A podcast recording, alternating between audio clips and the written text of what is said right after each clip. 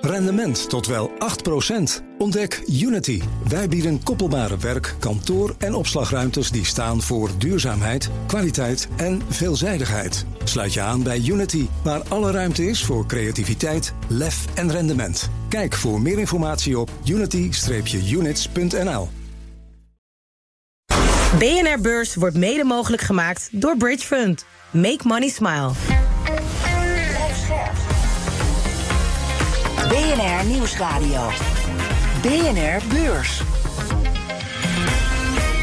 Jelle Maasbach en Jochem Visser. Welkom, je bent er weer bij en dat is meer dan prima. Inderdaad, goed dat je luistert naar BNR Beurs, de podcast voor de slimme belegger. Het is donderdag 19 oktober, de dag dat de grootste chipmaker van de wereld de grootste winstdaling in vijf jaar tijd zag. Profits have tumbled by almost a quarter at chip giant TSMC.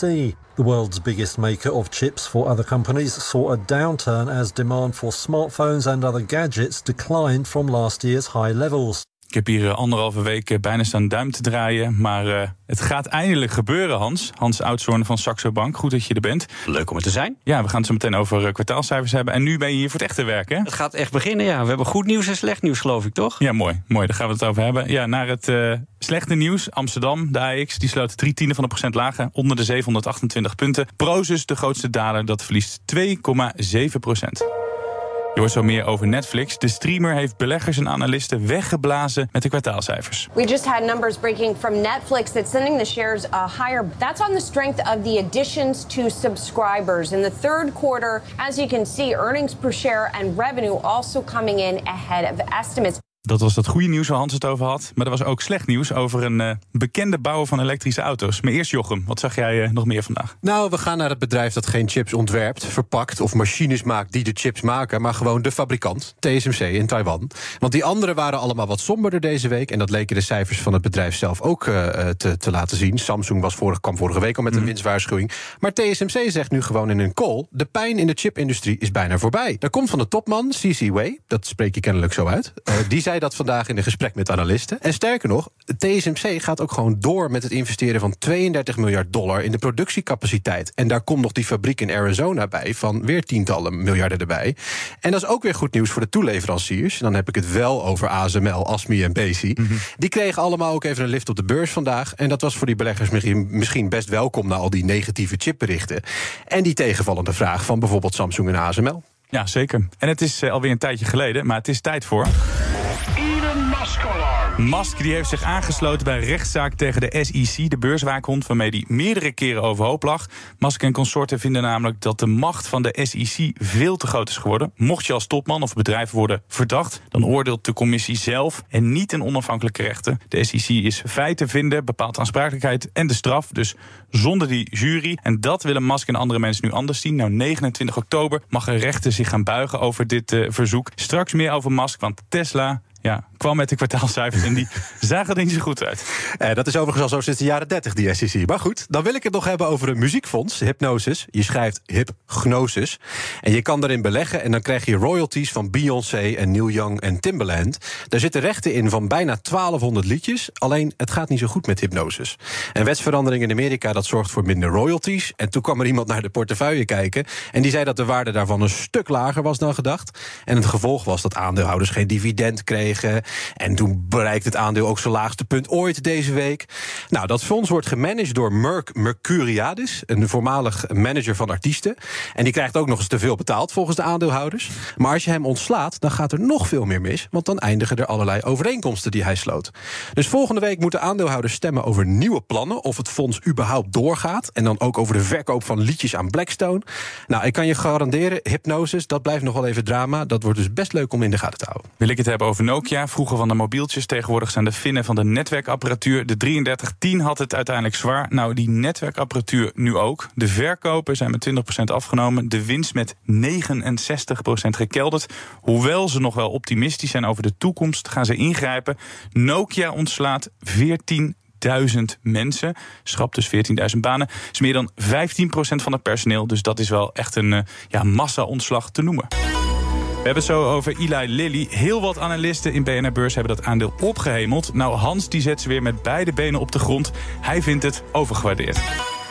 Maar we trappen af met Netflix. Dat heeft het beste kwartaal sinds de pandemie achter de rug. Netflix overtrof. En hoe? Er kwamen miljoenen klanten meer bij dan waarop was gerekend. The video streaming giant gained 9 million new subscribers globally in the third quarter this year, hitting a total of 247 million by the end of September. Er kwamen even 50% meer nieuwe klanten bij dan gedacht. De omzet en de winst stegen flink. En die twee die gaan waarschijnlijk alleen maar meer stijgen, want Netflix gaat de prijzen verhogen. Hans, op dit moment staat Netflix meer dan 15% hoger. Beleggers zijn blij, kan je, kan je zeggen. Eerst maar even, hoe hebben ze dat voor elkaar gekregen? Want er zit best wel een verschil in tussen de verwachting en het uiteindelijke aantal nieuwe klanten. Het, het is echt een heel groot verschil. Uh, eh, 6 miljoen, 9, weet je. Ja. Um, maar je kent zoiets als password sharing. Oftewel een Hollands abonnementje. Jij sluit hem af en uh, ja, Jochem en ik kijken mee. Ik heb mijn vorige vriendin, ja. Ja, nee, precies zoiets. Vrienden, buren. Uh, en dat hebben ze keihard aangepakt. En wat ze wel zeiden is, goh, als je dat doet, nou dan mag dat, maar dan voor een meer prijs van zeg 4 dollar. Nou, toen zeiden de meeste mensen, nou ja, als ik dan toch wat meer moet betalen, neem ik liever zelf een abonnement. Mhm. En dan vaak ook nog een moment, abonnement premium, dus voor de hele familie. Ja. En wat je nu ziet is, ja, die mensen zijn ook hongvast. En daar hebben ze de prijzen weten te verhogen. En toevallig heb ik zelf nog even gekeken vandaag, wat betaalde ik? Dat is 15,99 euro. In Amerika gooien ze hem van 20 naar 23 dollar. He, dus, dus net geen 22 euro. Dus een forse prijsverhoging.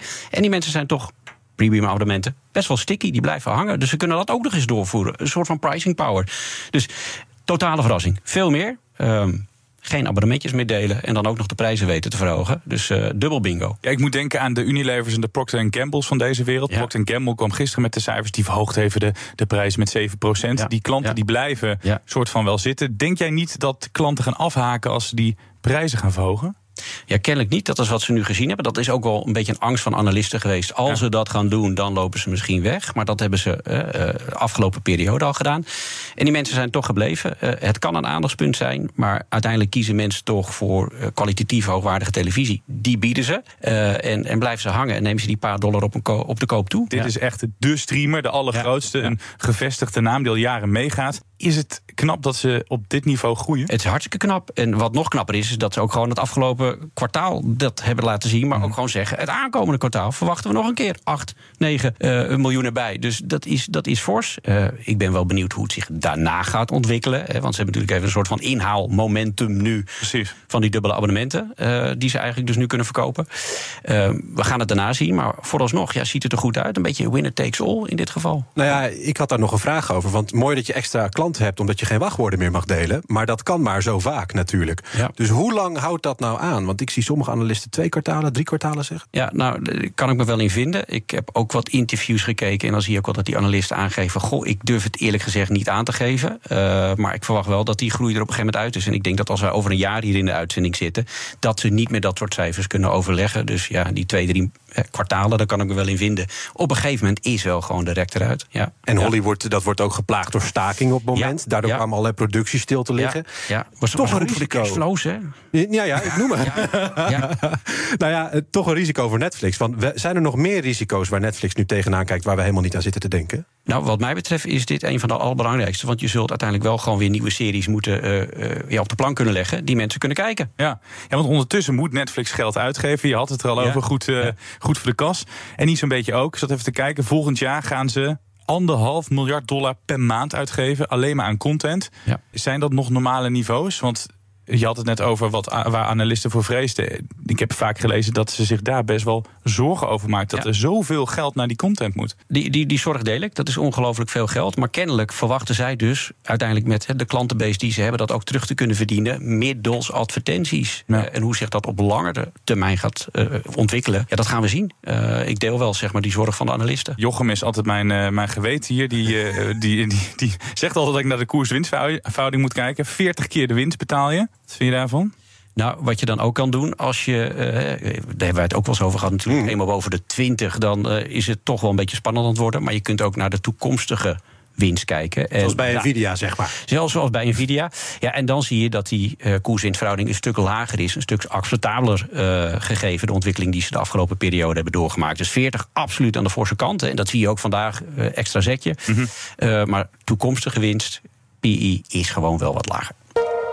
Tesla dan, daar liep het compleet anders in het derde kwartaal. Kort gezegd, het viel zwaar tegen. De prijzenoorlog die Tesla is gestart kost het bedrijf heel veel geld. Ook de Cybertruck die binnenkort de weg op moet, die trekt de winstgevendheid verder naar beneden. De winstmarge van Tesla schommelt nu rond de 16 procent. Dat is het laagste niveau waarop de autobouwer in zeker 10 jaar heeft gestaan. Maar volgens Elon komt alles goed. But I, I think we will grow very rapidly and much faster than any other car company on earth by far. Ja, hij zegt ze gaan sneller groeien dan alle andere autobouwers bij elkaar. Ben je het met hem eens?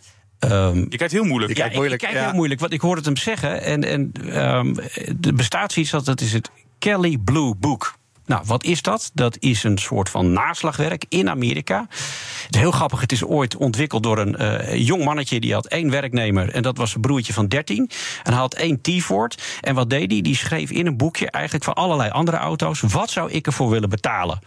Nou, uiteindelijk is dat heel groot geworden. Ja. En het is nu een soort naslagwerk. Wat zou ik bereid zijn om te betalen voor een tweedehands auto? Ook voor een nieuwe auto. Het is een soort van autobijbel.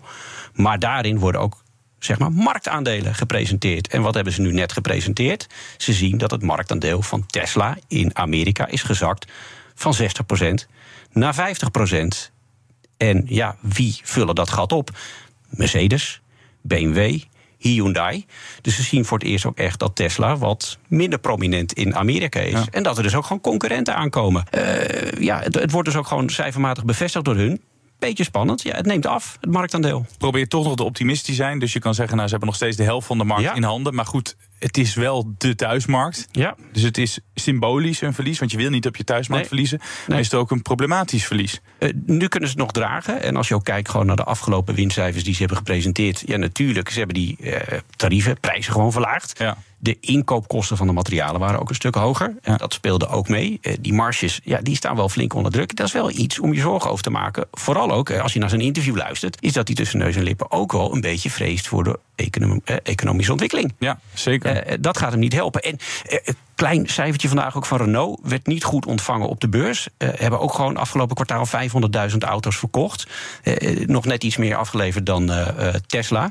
En wat die zei is: hey, bij ons gaat het stuk EV elektrische mm -hmm. auto's voor het eerst echt vele malen beter. Ja. Dus je ziet ook dat het misschien voor Tesla een beetje piept en kraakt, ook in Europa. Ik wil het vooral over die prijsoorlog hebben, want je brengt terecht wat uh, naar boven. In Amerika daalden de marktaandelen. Ze wilden in China wilden ze groeien en daarvoor startten ze die prijsoorlog. Dus de prijzen gingen ja. naar beneden om marktaandeel te winnen. Het lijkt erop dat Elon slachtoffer is geworden van zijn, van zijn prijsoorlog. Uh, op, op dit moment zien we voor het eerst dat hij in een spagaat terecht is gekomen. Uh, een, een prijzenspagaat. En dat dan ook nog met opkomende concurrentie. Want je zegt China, nou vergeet uh, een build your dream niet. Moeilijk verhaal. Ja, want hoe ja. kan je eruit komen? Want je, je hebt de prijzen verlaagd en je bent ook nog eens marktaandeel aan het verliezen. Dus daar kan je dan toch niet meer uitkomen. Kijk, hij, hij is nog, en dat zei je zelf ook al, de grootste met 50%.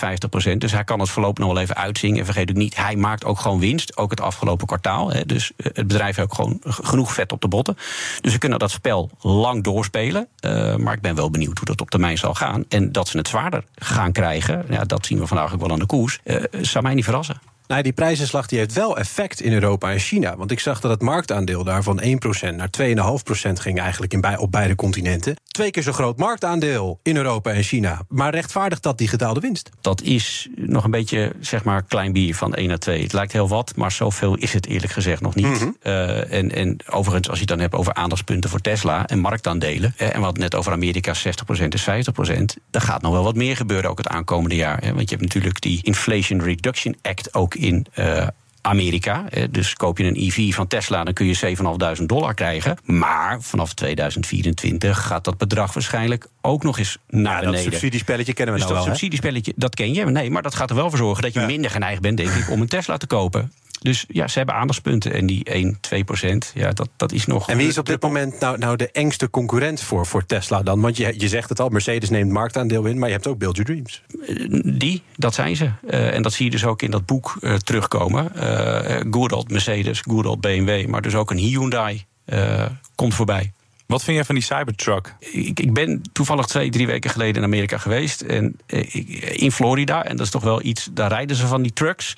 Ja. Maar daar heb ik maar één Rivian gezien. Één Rivian truck. Kijk. Uh, de, in zeg maar meer dan een week. Ik ben benieuwd of dat ding gaat landen uh, ja. daar. Uh, ik heb ook echt die mensen gevraagd. Nou, wat vinden jullie daarvan? En die vinden het ook wel een beetje futuristisch. Ik vraag het ook omdat Musk zelf zegt... we graven ons eigen graf met de Cybertruck. Nou, dat is niet Ja. echt optimistisch als een topman dit zegt. Duurt waarschijnlijk nog anderhalf jaar voordat hij winstgevend wordt. Moet je niet gewoon stoppen met dat ding dan? Eh, to be honest, zou je dat moeten doen, absoluut. Maar je voelt aan alles bij hem dat het ook een beetje een prestigeproject is geworden. En ik wil het niet politiek maken, maar eh, in Amerika gaven ze ook wel aan dat eh, als je kiest voor een Tesla, dat is ook bijna een politiek statement.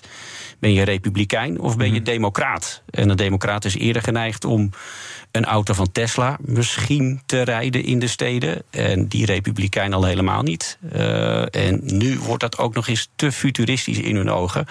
Dus ze kiezen eerder voor het, ja, het, het, het good old eh, petrolhead. Ja, en want wanneer, vroeg ik me ook af, wordt het problematisch? Want die winstmarge ligt nu op 16% Je zegt, ze kunnen nog even doorgaan. Wanneer moet je gaan stoppen? Wanneer moet je zeggen, het lager dan dit kan niet meer? Want 16 klinkt op zich nog wel redelijk. Nou, het, het is, weet je, een jaar geleden was het eh, bruto marge 17% en dat was afgelopen kwartaal 9 en is nu al 7,6. hè. Ehm, eh, en, en eigenlijk heeft hij zelf in het interview het antwoord gegeven. Die Cybertruck, ja, daarmee eh, rijden we onszelf gewoon volledig in de wielen. Ja, dat zou ik zeggen, stop met het hele project. ja, Zekers, ja. Nou ja, sterker nog, al die, die, die marges ook. Je gaat maar door met die marges. Waar ligt nou het eindpunt voor Elon Musk in het marktaandeel margeverhouding? Dat durf ik niet te zeggen. Ik denk dat bij hem echt meer prestige is. Oké, prestige. Ja. Maar is Ja. hij dan nog wel de juiste man achter het stuur? Nee, maar daar hebben we het al eens eerder over gehad. Eh, daar kun je je vraagtekens bij zetten. Gegeven de uitlatingen die hij ook doet. Daar ben ik heel eerlijk in. Ja. Ja. Ze geloven in ieder geval er niet eh, in, die beleggers. 8,5% op dit moment ervan af. 220 dollar, eh 22,5 dollar eraf, absoluut. Vind jij nog een interessant aandeel? Ehm, ik laat het even uitrazen. Hè, want we hadden het al even over de concurrentie die eh, opstaat. Eh, subsidies die verlaagd gaan worden. N- Nu even niet. Nee, nee. BNR Beurs. Dan gaan we naar Wall Street. De Dow Jones staat eh, onveranderd. De S&P 500 verliest een tiende van de procent. De Nasdaq verliest eh, 0,2 procent. Nou, Tesla dus flink onderuit, 8,5 procent. Netflix gaat nog steeds heel erg lekker. 15,5 procent in de plus. Pikken we nog even snel een ander aandeel eruit. AT&T. Dat gaat op dit moment 7,5 procent omhoog. De telecomreus die schroeft de verwachtingen voor het hele jaar op. Omdat ze het eh, goed hebben gedaan eh, in het eh, derde kwartaal. BNR Beurs.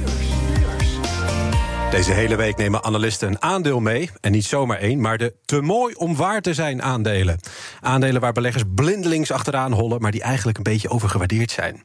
Hans, jij neemt de farmaceut mee. Wie? Ja, Eli Lilly. En er zijn van die dagen dat je ehm, liever een paar dagen geleden al in de uitzending was geweest. Want toen stond het nog ruim 600. Eh, en en ja, toen gaf ik eigenlijk aan van... de beleggers zijn flink achter dit aandeel ja, gewoon aangehold, kun je wel zeggen. Dus misschien is het tijd voor een pas op de plaats. Nou ja, de koers van de farmaceuten is dit jaar bijna 70% gestegen. Ja, ja. Laten we daar eens beginnen. Hoe kwam dat ook alweer? Nou, dit, eigenlijk moet je dan eerst naar Novo Nordisk gaan kijken. Dat is een concurrent en die hebben een eh, medicijn. Ozempic heet het. En dat is, heb je last van diabetes 2, dan kunnen we je daarmee helpen. En als bijvangst ehm, val je ook af van dat middel. En nou ja, goed, Amerika toch wel wat dikke mensen. Dus dat slaat enorm aan. En je ziet dus ook dat die verkopen door het dak gaan. En dan hebben ze nog een ander medicijn, ook Novo Nordisk... waarmee ze datzelfde kunnen doen. Wegovy is dat toch? Ja, ja precies. En eh, Eli Lilly heeft nu zelf een medicijn in ontwikkeling. En daarvan hebben ze gezegd, joh, dat is misschien eigenlijk nog wel beter. En afgelopen weekend hebben ze nou ja, wat data gepresenteerd... want het is nog niet op de markt. En beleggers zijn wel een beetje op die muziek eh, vooruitgelopen. Ja, als je 84 weken dit slikt, dan zak je gewicht 26,6... hè, van de groep waarmee ze dat medicijn hebben getest. Ehm, en als we dat te zijner tijd een goedkeuring wordt verwacht... ergens 2024 op de markt kunnen brengen... ja, dan is het voor ons ook gewoon kassa. Nou moet ik wel even Jelle's geweten spelen... want het is volgens mij een prikje, toch? Wat je moet krijgen bij eh, wekelijks, ja, geloof ik, ja, toch? Ja, ja. Ehm, maar dan nog, ze verwachten dus dat die verkopen enorm zullen Ja, zijn. ja, ja. En dat is wel de reden geweest dat het aandeel een extra setje heeft gekregen. En natuurlijk kun je naar de pijpleiding kijken. Ze hebben ook nog een medicijn voor Alzheimer, kankermedicijnen, prima. Dus voor de lange termijn absoluut een bedrijf waarvan ik zeg kan in je portefeuille. Maar als je nu kijkt wat er de afgelopen periode is gebeurd, ook op de muziek van Novo Nordisk en de data die ze hebben gepubliceerd, ja, is het echt als een raket gegaan. Nou ja, En- Novo Nordisk, die heb ik toevallig geïnterviewd een tijdje geleden voor een ander programma hier. Ja. Ehm, en en dan, dan vraag je van, hey, jij komt in de krant met een artikel van stop alsjeblieft met, met, eh, met het kopen van mijn gewichtsverliesmedicijn, want eerst de diabetesmensen. Dus een tekort. En we Ja. kunnen het niet aanslepen. Ja, Ja, ja. wat, wat zegt dat nou eigenlijk? Is de markt dan, dan oneindig groot voor gewichtsverlies? dat is wat men denkt. Eh, dat is wel wat men denkt. Eh, het zal gretig aftrek vinden. Eh, in, in- ja, kijk, die, die gewetensvraag, diabetes eerst, daar ben ik het natuurlijk absoluut mee eens. Dat zul je moeten doen. Dus daar zul je naartoe moeten werken. Maar die bijvangst, dat is heel stiekem. En dat, dat klinkt misschien ook bijna als een dubbele agenda. Want hij zegt dat wel. Maar aan de andere kant verdient hij bakken met geld en zijn zijn aandeelhouders blij. Dus ik, ik vind het altijd moeilijk om die woorden dan echt te kunnen, te kunnen wegen. Eh, ik ga ervan uit dat hij het ook echt meent. Maar aan de andere kant wordt er gewoon keihard geld verdiend. Eh, en dat verwachten ze dus ook bij Eli Lilly. Nou, prima, dat zullen ze ook gaan doen. Pas op de plaats. Ja, dat zou zomaar kunnen. Dat hebben we de afgelopen dagen ook al gezien. Want dat zit het allemaal al in de prijs dan? Sorry als ik je onderbreek. Nou ja, het zit zeker in de prijs. hè. Koers-winstverhouding kwam net al even tussenbij. En eh, toen hadden we het over 40 eh, voor Netflix. Nou, is meer dan 80. Precies, dit is 85. Ja. Dus dit is enorm. En dan kun je ook nog kijken naar de toekomstige winst. Dan zit je op 45, 50. Eh, hè, dus dan gaan we kijken wat zouden we volgend jaar gaan verdienen. En relateren we dat aan de koers. Dan zit je nog steeds knap aan de prijs. Voor de lange termijn prima. Maar het bedrijf Nvidia is ook wel eens voorbij gekomen. En een tijdje geleden stonden we hier 490 dollar. En toen hadden we het er ook over. Het kan een keertje terugzakken. En inmiddels koop je dat ook weer voor 420.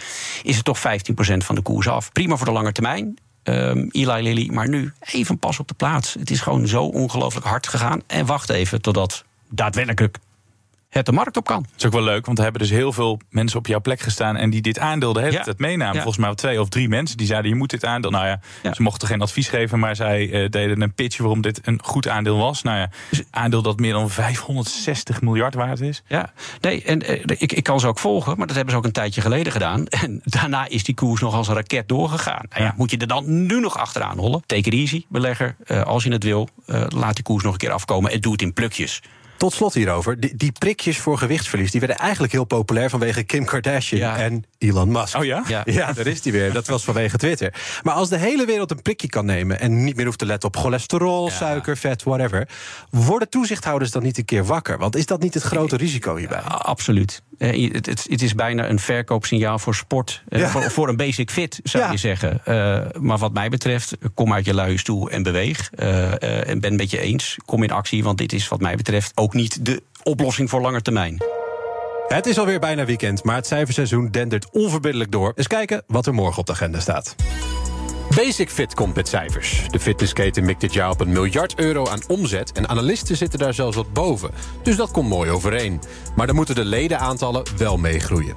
Het tweede kwartaal stelde daarin flink teleur bij Basic Fit... en voor het derde kwartaal verwachten analisten zo'n 100.000 nieuwe leden. Dat is tien keer zoveel als het tweede kwartaal... maar nog maar de helft van hetzelfde kwartaal vorig jaar. En die sportscholen vergen wel onderhoud... dus de hoop is dat de kosten niet te groot worden.